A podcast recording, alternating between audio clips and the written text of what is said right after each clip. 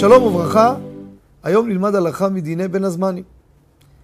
יש אנשים רבים שהולכים למלונות לנפוש, כמובן בתשלום, ולא רק תשלום. או-הו, תבינו תקילין. מחיר כפול ומכופל מכל אחד אחר, ובאים למלון, באמת משפחה גדולה, מוציאה שם המון כסף. אני בכוונה מתחיל ומגדיר את הדברים כך. באים לחדר אוכל. הילדים ישנו מאוחר, עוד לא קמו, וחדר אוכל נסגר בעשר. הגברת רוצה להוציא כמה סנדוויצ'ים, להוציא איזה כמה קופסאות לבן או מעדנים, ולהביא להם לחדר. עוד מעט יקומו, מה יאכלו? ב-11-12 אין אוכל. או אם זה מלון בכלל שזה, שזה רק אה, ארוחת בוקר, מה יעשו כל היום?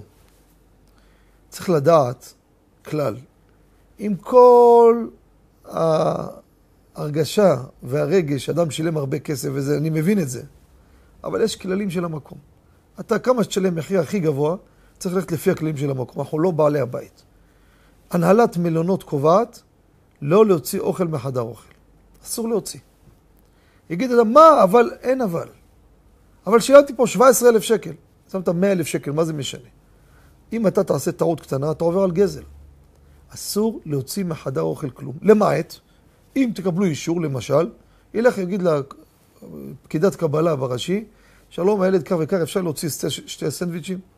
אם יסכימו לו, מצוין. או אפילו, אחראי לחדר אוכל. לא לשאול מלצר, אחראי חדר אוכל. שתמיד אחראי על המלצרים, שלום, אני יכול להוציא ככה? לפעמים תופתעו, יגיד לכם לא, זה הנוהל שלי. אסור להוציא. אם יש בצלחת אוכל כבר שאכלתם אותו ונשאר, זה אני אומר אפשר להוציא. זה ודאי יזרקו אותו. מה שבסלסלות לא יזרקו. הדבר שזורקים, זה הולך לפח כל מקרה, מה זה משנה? יש לך מעדן פתוח, אכלת ממנו קצת.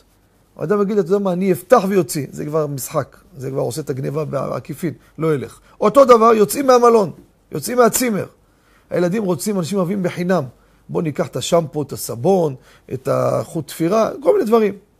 רבותיי, צריך אישור לפחות מהפקידות של הקבלה של המלון, או אחרי של הצימר. אולי הם לא מסכימים. נכון, שמת פה הרבה כסף. מה? ליהנות במקום, תשתמש בשמפו.